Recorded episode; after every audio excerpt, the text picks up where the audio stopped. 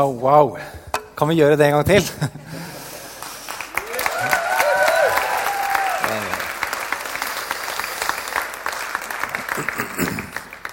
Guds fred, alle sammen. Kan ikke jeg få den litt sterkere? Guds fred, alle sammen. Det er så hyggelig for meg å være her. Tusen takk for invitasjonen. Eh, takk for gjestfriheten jeg har blitt møtt med. Det varmer. Og takk også for eh, måten dere forvalter eh, Guds nærvær på. For det er noe av det jeg forbinder og assosierer med Pinsekirken. Eh, og de av dere som jeg kjenner her, eh, og det stemmer som Morten sier, at eh, jeg har jo kryssa veier noen ganger med en del av dere. Og det, som, eh, det inntrykket jeg da har fått, det er jo dette som har med viktigheten, understrekingen av å oppleve Guds nærvær. Og det er så flott å kjenne det her i dette Er det kultursenter det heter? Kulturhuset. Fantastisk flotte lokaler. Gratulerer med å bruke dem. Eh, dere skal få bli litt mer kjent med familien min, sånn at dere vet litt hvem er det som står der framme og snakker. Det er jo greit, det. Eh, her er den. Dronninga på høyre side. Hva er det hun heter for igjen, Morten? Reidun. Reidun heter kona mi. Det er ikke bare at jeg har fire barn, jeg har fire døtre. Så jeg føler meg litt som han Morten, aleine mann på det koret her. Eh, her om dagen så sa hun yngste Nicolene til meg fordi hun spurte meg om et eller annet. Og da sa jeg det at du, vi, eh, vi, må, vi må vente til mamma kommer hjem, og så spør vi henne. Hvorfor skal hun alltid være sånn dronning som bestemmer alt? sier hun. Eh, Nicolene. Så ja, jeg er gift med en dronning. Ja, jeg har fire prinsesser, og det gjør meg til hoffnarr. Helt riktig. Noen av mine interesser Jeg er veldig glad i Nei, forresten. Ja, her er to bilder fra to eh, soverom hjemme hos meg. Vi er veldig forskjellige. Til venstre hun, har, eh, hun er veldig fri. Eh, hun på høyre hun liker å dandere klærne sine kvelden før da hun går og legger seg, sånn at det er klart til eh, dagen etter når hun står opp. Det er litt skummelt å komme inn på rommet hennes. Er hun flat? Nei. Eh, mine interesser Jeg liker veldig godt å lese. Jeg er eh, glad i å være aktiv. Overalt leser jeg. Det, jeg kaller meg for en eh, idrettsgutt. Jeg er glad i å spille fotball. Jeg har sans for blant golf også. Oh, så jeg går en hard tid i møte nå som vinteren kommer. Jeg svømmer innimellom. Her deltok jeg på havsvømming i Sør-Afrika. Vi hadde et permisjonsår i 2009-2010. Og jeg har et vitne nå på at jeg kom ikke sist. Det var én som kom bak meg. Og det er også sant. Det var bare én som kom etter meg. Men det viktigste som er å si om meg, det er at jeg er elsket av Gud.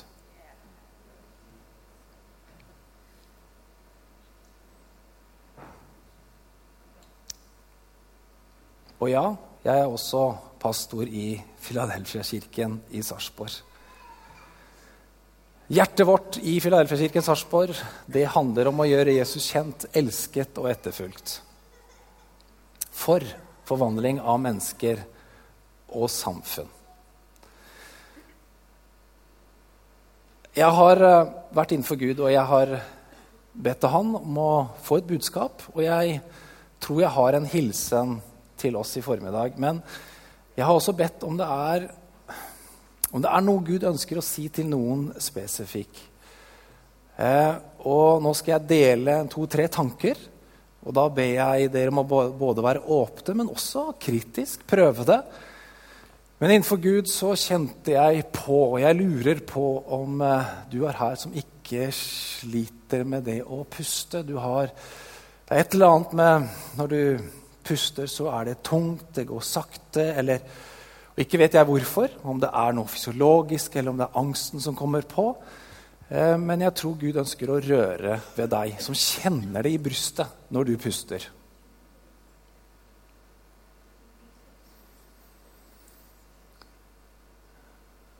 Da Anette og Morten informerte om eh, disse to søndagene, så lurer jeg på om ikke noen av dere kjente på en smerte.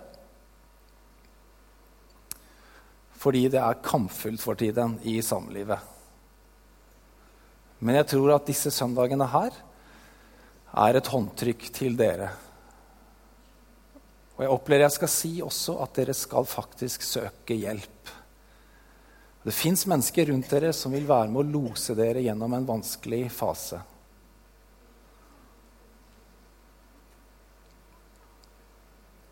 Herre Jesus Kristus. Om det er noen som kjenner på dette i formiddag, så ber jeg nå om at du rekker ut hånda di, og så rører du ved livene til dem, Herre. Så ber jeg om at du også skal tre fram gjennom forkynnelsen, sånn at vi får se deg, røre ved deg, Herre, og høre din stemme. Det ber jeg om i Jesu navn. Amen. Overskriften over det jeg skal si i dag, det er eh, Når by og land våkner. Tankene har jeg hentet ifra Johannes 4.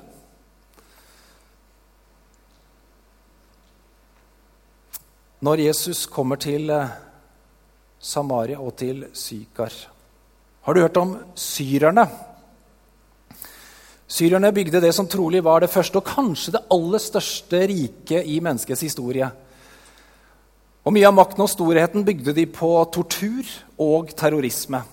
En historiker sa at det var de som oppfant tortur. De drepte, voldtok, flådde og stakk ut øynene på folk.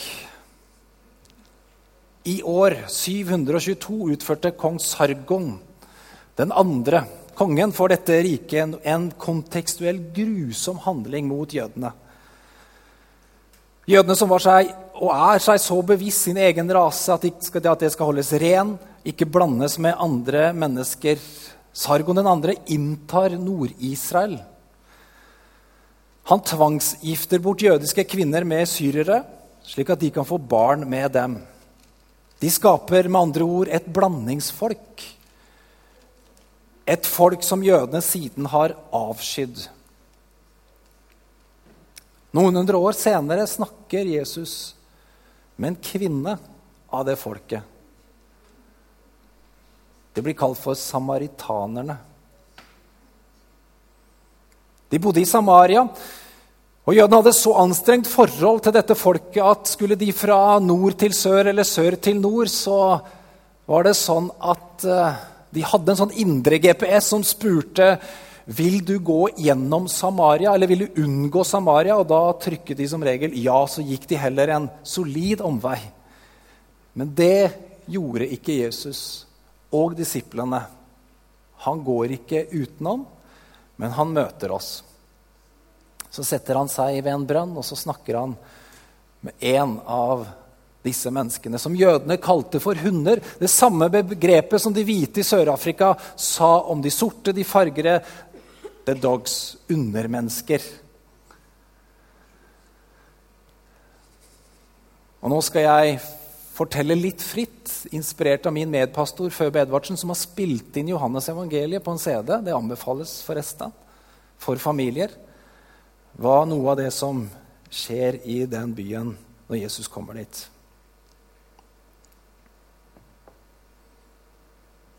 Disiplene som har vært i byen Sykar, ser at Jesus snakker med en kvinne. De syns det er rart at Jesus snakker med henne. Og de tenker og sier til hverandre, 'Hvorfor snakker han med henne?' Men de tør aldri å spørre Jesus hvorfor. Nå ser disiplene at kvinnen lar vannkrukka stå ved brønnen, og at hun går mot byen. Hun passerer det, men da ser disiplene ned i bakken. Rabbi, kom og spis! Ja, jeg har mat å spise dere ikke vet om, sier Jesus. Disiplene ser på, hverandre, ser på hverandre. Har noen vært her med mat? Min mat er å gjøre det Gud vil, Han som har sendt meg, og fullføre Hans verk. Kvinnen, kvinnen går inn mot byen. Nå har hun ingenting å bære på, for samtalen hun nettopp har hatt, den var så annerledes, så befriende. Gå og hent mannen din, hadde han sagt. Jeg har ingen mann, svarte hun. Nei, der taler du sant, svarte mannen. Du har hatt fem menn, og den mann du nå har, er ikke din. Hadde du visst hvem det er som nå snakker med deg, så hadde du bedt han om å gi deg en annen kilde. Det levende vann som Messias kan gi deg. Jeg er Messias. Har hun virkelig snakket med Messias? Kom og se en mann som har fortalt meg alt det jeg har gjort, sier kvinnen når hun kommer inn til byen. Kan det være Messias?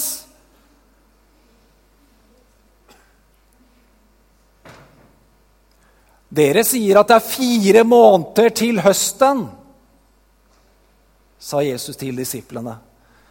Men jeg sier dere, høsten står allerede hvit og klar til å høstes inn. Den er moden.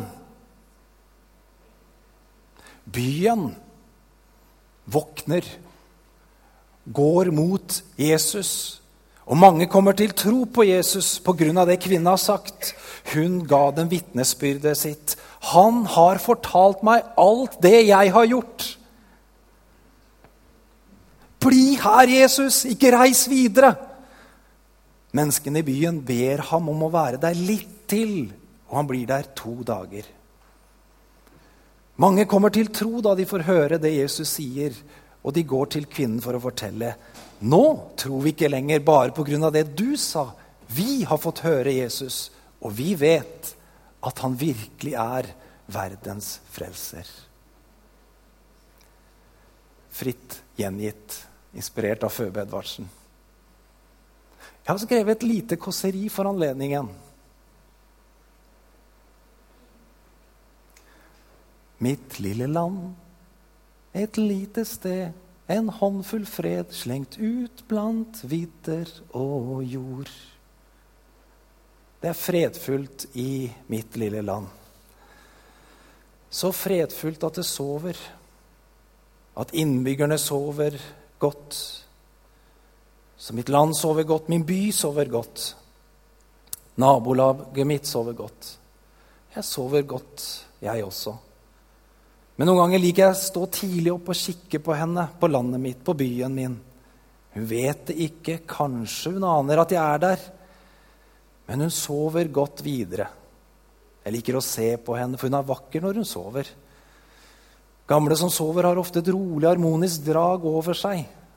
Ja, Bortsett fra noen rykninger da, hver fjerde år, når vi skal velge hvem som skal styre oss ja, stryke oss mildt over våre liv når vi blir urolige og våkner over ryktene om en finanskrise i Europa og andre steder i verden, slik at vi igjen kan slumre oss inn i døsende tilstand.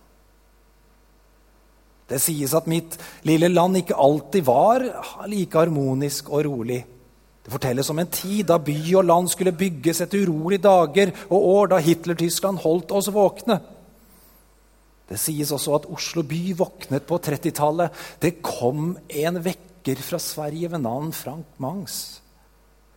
Åndelig vekkelse, kalte de det.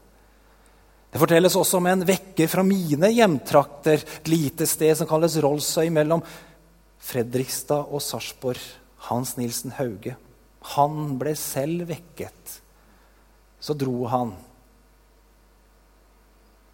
i by og land og vekket trøtte bønder. Jeg er glad i mitt lille land, i min by. Men hun sover som sagt godt. Hun går faktisk ikke av veien og forsover seg litt. Lenge. Min eh, gamle by snur seg gjerne over på siden og sover litt til. Jeg ser at hun har levd lenge. Jeg kan se at uh, hun våkner inne imellom, Omtrent som jeg kan se på Karl Johans gate tidlig. Tidlig morgen 18. mai, få dagen før var hun våken. Da ser hun sliten ut, da. Vår kjære hovedgate, der hun ligger og vrir seg flau over dårlige russetogfolk, skjødesløse sammenblanding av penger, pensko, pølser og promille. For ikke snakke om smerten hun har da fra Tryvannstårnet. Hun vrir seg da gruer seg til å våkne og oppdage arrene fra natten før. Det er fredfullt, og vi sover godt. Selv etter 22. juli 2011. Da våknet vi en stakket stund. Det var visst ikke så fredfullt allikevel. Det finnes visstnok slanger også i vårt harmoniske, fredfulle paradis. Vi våknet, og med lys og roser i våre hender marsjerte vi i våre gater og sang og snakket om kjærligheten. Ja, før vi igjen la oss ned til siden for å sove videre. Mitt lille land sover. Min by sover. Jeg sover. Og jeg ber om å bli vekket. Samaria sov. Sykar sov. Men så kom det en da og vekket byen og landet. Først en kvinne som gikk døsende ut mot sin egen vilje, for det var jo siesta, og det er nå folk sover. Hun orket ikke å da enda en gang få blikkene, kommentarene, som fortalte hvem hun er. Det var ikke gode ord. Men hun blir vekket av Jesus Kristus. Så vekket at hun springer til den byen som nå døser og sover. Og vekkerklokka, det er disse ordene. Kom og møt Han som har fortalt meg alt hva jeg har gjort. Er det noen av dere som har hørt om Edward Snowden? Det er han som har vekket verdenssamfunnet, for det er én et land, et stort land, som overvåker våre digitale liv. Ops. Det er en som kan fortelle om hvilke sider du og jeg har vært på. Og det er det mange av oss som frykter. Men det er noe med ordene til denne kvinnen, det er noe med øynene som gjør at byen ikke gjemmer seg, at byen ikke tenker at ja, men det er jo ingen god historie, din fortelling. Men de reiser seg, og så går de mot Han som vekker oss. Og byen våkner. Byen som har vært døsende, og som har sovet. Hva er det de vekkes ifra? Og hva er det de våkner til? De vekkes ifra identiteten om at de er annenrangs. De våkner over søvnen som forteller om at de er noe annet enn det Gud hadde tenkt. Og så våkner de til den viktigste, innerste og djupeste identiteten som bare Jesus kan gi. At vi er elsket av Gud. Det fortelles om en rabbi fra det første århundret som eh, gikk hjemover etter at solen var gått ned. Det var mørkt. Han går i sine egne tanker, og så tar han feil der stien splittes i to. Istedenfor å ta til høyre, så tar han til venstre. Og han våkner da han stanger hodet i en romersk utpost, militær utpost. Og Da er det en vakt der ved porten som roper i mørket, 'Hvem er du, og hva gjør du her?'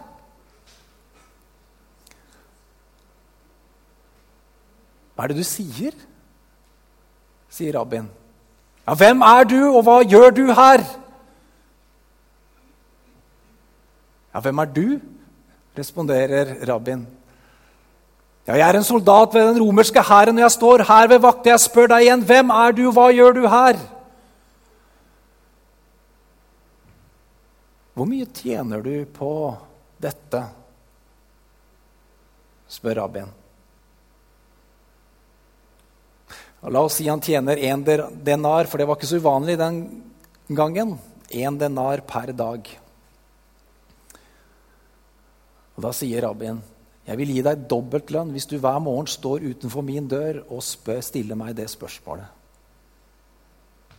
Hvem er du, og hva gjør du her? Hvorfor det? Jo, fordi at det spørsmålet på mange måter driver deg og meg gjennom livet. Det er en jakt. Det er en nysgjerrighet i oss som ønsker å få svar på det. For det er et djupt spørsmål, men det er kanskje det også det viktigste spørsmålet. Og det har sånn kraft i seg, sånn at det styrer våre liv på en umerkelig måte. Hvem er du? Og hva gjør du her?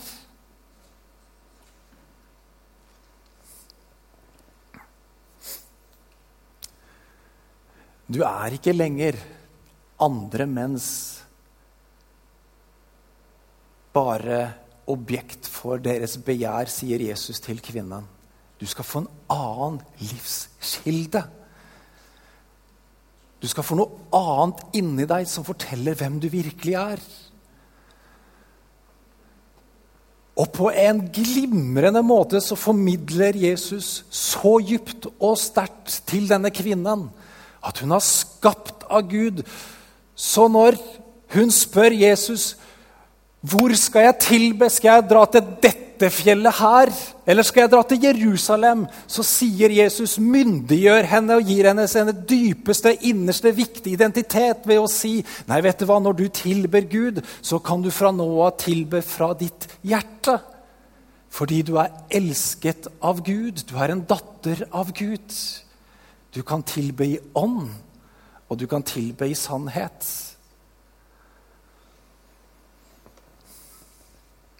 Hver dag så blir du og jeg fortalt hvem vi er. Som regel så får vi høre at du er hva du gjør. Jeg er pastor Hetlelid. Jeg er snekker Andersen. Før i telefonkatalogene så var det jo sånn at tittelen på hva vi gjorde Det var jo det som på en måte, sånn vi, det er ofte sånn vi presenterer oss, er det ikke det? Jeg er hva jeg gjør. Og klart, har du suksess, og hvis du føler du lykkes med hva du gjør, så er jo som regel livet ganske godt. Men når dette jeg gjør, butter, så er det altfor mange av oss også som syns at livet selv butter. Er vi heldige, så kan vi en dag når vi pensjonerer oss, ha en hylle med pokaler over alt vi har gjort, diplomer over alt vi har gjort, og vi kan fortelle det til våre barnebarn. Men virkeligheten er jo det at vi kommer jo til å miste faktisk det vi har gjort. Ja, hvem er vi da?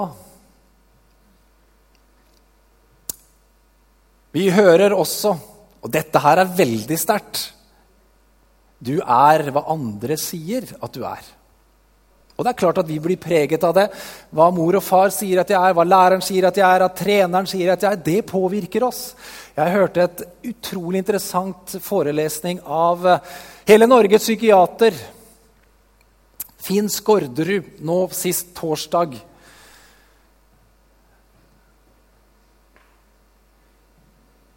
Og han forteller at uh, Unge mennesker som vokser opp i dag, er overlatt til seg selv til å skaffe seg sin identitet. Han så det er et sårbart prosjekt. For de blir frostra til å ikke lytte til mor og far eller til andre voksne personer. Og Det har gjort mor og far usikre, og det har gjort oss voksne personer usikre. Så vi har faktisk pasifisert oss. Man sier det er feil så overlater vi tenåringene til å bygge sin egen identitet, sin eget selvverd. Så går de heller til vennen og venninna som kan si to ord om menneskelige følelser. Og det har de satt sammen, og det er sinnssykt. Det er sårbart. Vi har gjort en undersøkelse på om at hvis de får høre ett plussord, hvis de får høre et godt, positivt ord, så varer det i snitt syv minutter. i oss. Men hvis du får høre et negativt ord, så kan det ligge der og irre i ditt og mitt indre i helt år. Det er sårbart. Hvis det er det vi er. Eller vi får høre at du er hva du har. Thomas Hylland Eriksen, denne professoren i sosialantropologi, han har skrevet en glimrende bok der han tar, på en måte analyserer det norske samfunnet. Han kaller det for storulvsyndromet. Da vi har tenkt at livets store prosjekt det er å samle. Han nå sier at det bygger vi vår identitet på. Vi har blitt lurt sitat fra Thomas Yland Eriksen, til å tro at livet dreier seg om å kjøpe store hus. Og i disse store husene skal vi samle mange ting. Og Det bygger vi vår identitet på. Ja, Vi til og med blogger om den siste vasen vi har kjøpt, og så sender vi det ut i den digitale verden, og så håper vi får masse respons. Det er sårbart. Det er klart at ja, vi er hva vi gjør, og vi er det andre sier, og ja, vi er hva vi også har. Men Jesus han sier noe som er mye, mye viktigere. Jeg har en enkel hilsen til deg, men jeg tror det er livsnødvendig. Ja, du er først og fremst elsket av Gud.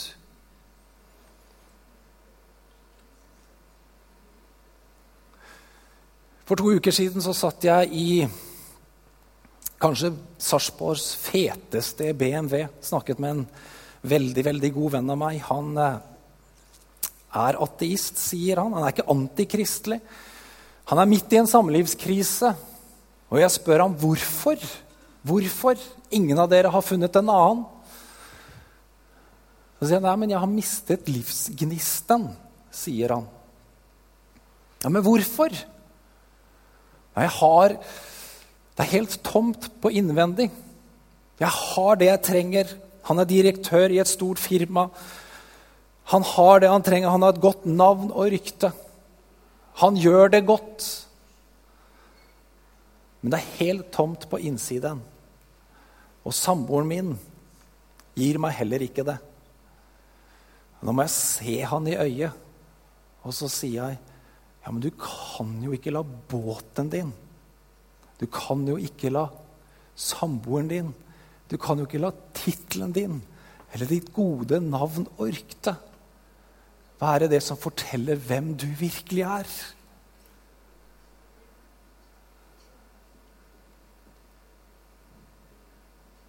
Du har til gode å oppleve i ditt indre om at du er Guds elskede. Du sover. Du må vekkes. Du er bedøvd i ditt indre.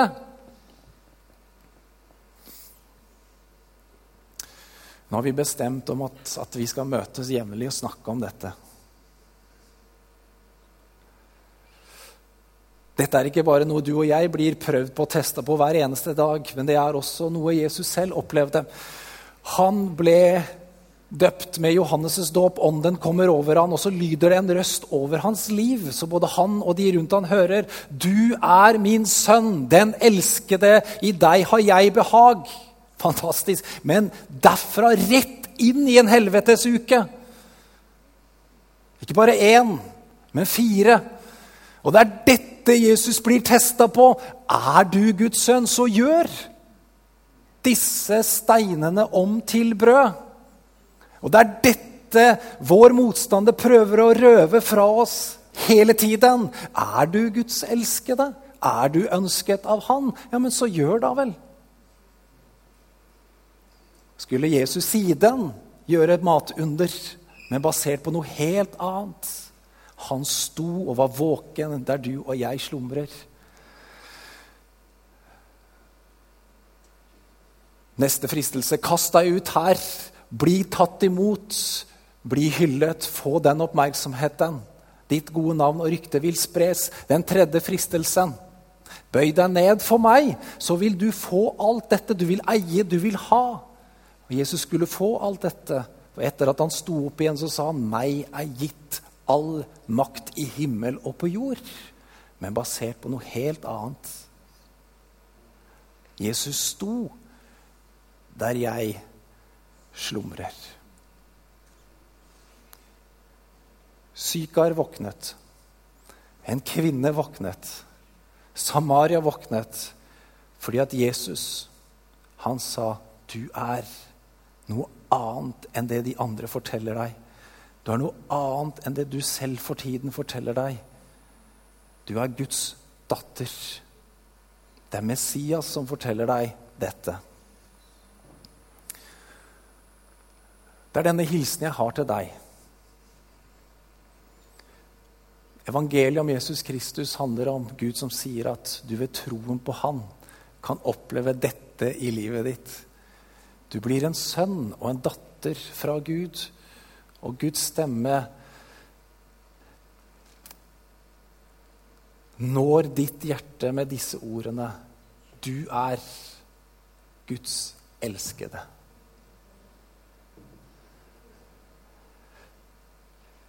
Jesus mistet det meste. Til slutt så henger han mellom himmel og jord, og jeg vet ikke hva fortapelse og helvete er, men jeg tror Jesus opplever det der på korset.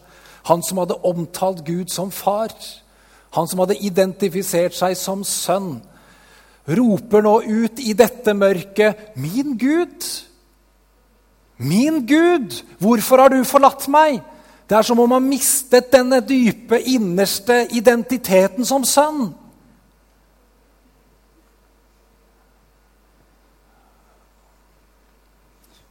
Hvorfor det? Jo, fordi at dette livet skulle bli født i ditt og mitt hjerte.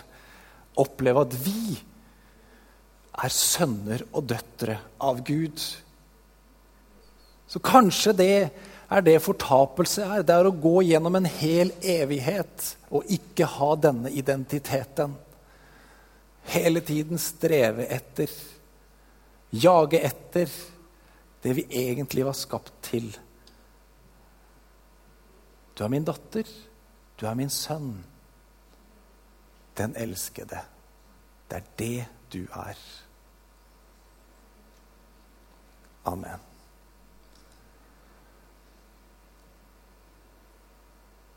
Herre Jesus, jeg takker deg for at du er her sammen med oss. Herre, vekk våre hjerter. Vekk våre liv, Herre slik at vi både ser og forstår hvem vi er i deg, Herre. Sønner og døtre, som du i dag taler til, Herre. Vi er dine, vi er Guds elskede. Herre, nå ber jeg om at det er dette livet som skal få lov til å drive oss, Herre.